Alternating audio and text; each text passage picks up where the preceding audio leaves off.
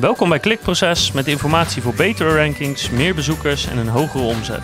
Elke werkdag praktisch advies voor meer organische groei via SEO, CRO, YouTube en Voice. Nee, ik, ik heb wel een, uh, een vraag uh, binnen gehad. Okay. Uh, van Basti Bastiaan Gaylard. Gaylard. Ik, ik zeg het vast niet goed. Volgens mij is het Gaylard. Um, en die stelt de vraag: uh, sommige websites gebruiken uh, bijvoorbeeld bit, bit.ly om een uitgaande URL in te korten. Ik weet niet of jij dat wat zegt, Guido, toevallig? Jazeker, ik heb, uh, ik heb zelf gui.do. Juist, juist. Kijk, Daar ben ik heel erg trots op.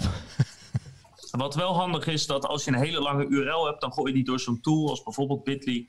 En dan maakt hij hem heel kort, dus vooral handig om te delen. Maar wat hij, wat hij ook zegt, handig om te tellen hoe vaak er op een link geklikt wordt.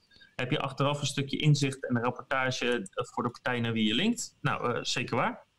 Mijn vraag is, wat doet dit met je linkbuilding? Is het handig om dit zo te doen? Zijn er alternatieven? Um, dat is een lastige vraag. Tenminste, hij bestaat eigenlijk uit een paar componenten. de eerste vraag, wat doet het met je linkbuilding? Ja, je kan wel een beetje stellen dat een bit.ly-link die uh, waarvan de website weliswaar een soort ho hoge autoriteit heeft, maar tegelijkertijd een link is die iedereen kan regelen, um, waarvan je, waarvoor je niet echt moeite hoeft te doen, dat dat ook niet zo heel veel waarde heeft. Um, dus er zijn een stuk of, nou, laten we zeggen, 10 of 20 van die bit.ly-achtige websites.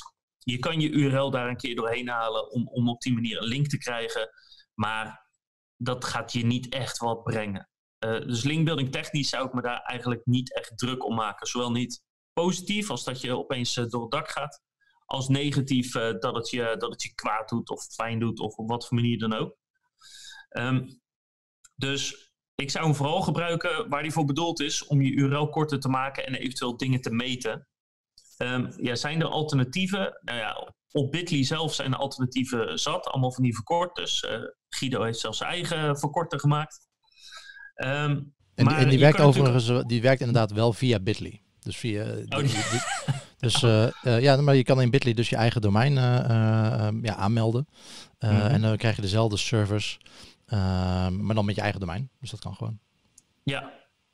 Um, maar ja, alternatief, nou ja, er zijn heel veel andere sites. Maar je kan natuurlijk ook gewoon een normale UTM-code toevoegen aan je linken om bij te houden of erop geklikt wordt of uh, dat, dat mensen überhaupt zien en of ze vanaf daar iets kopen of bepaalde pagina's bezoeken of inschrijven voor de nieuwsbrief. Uh, dus mocht je niet bekend zijn met, uh, met, U, met UTM-strings, dan zal ik even, we hebben daar een prachtig blogpost over. Die zal ik heel even opzoeken.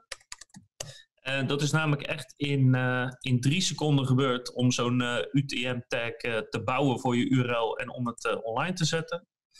Even kijken of ik die in de chat. Ik krijg een vraag van iemand, Bart. Wat zijn backlinks?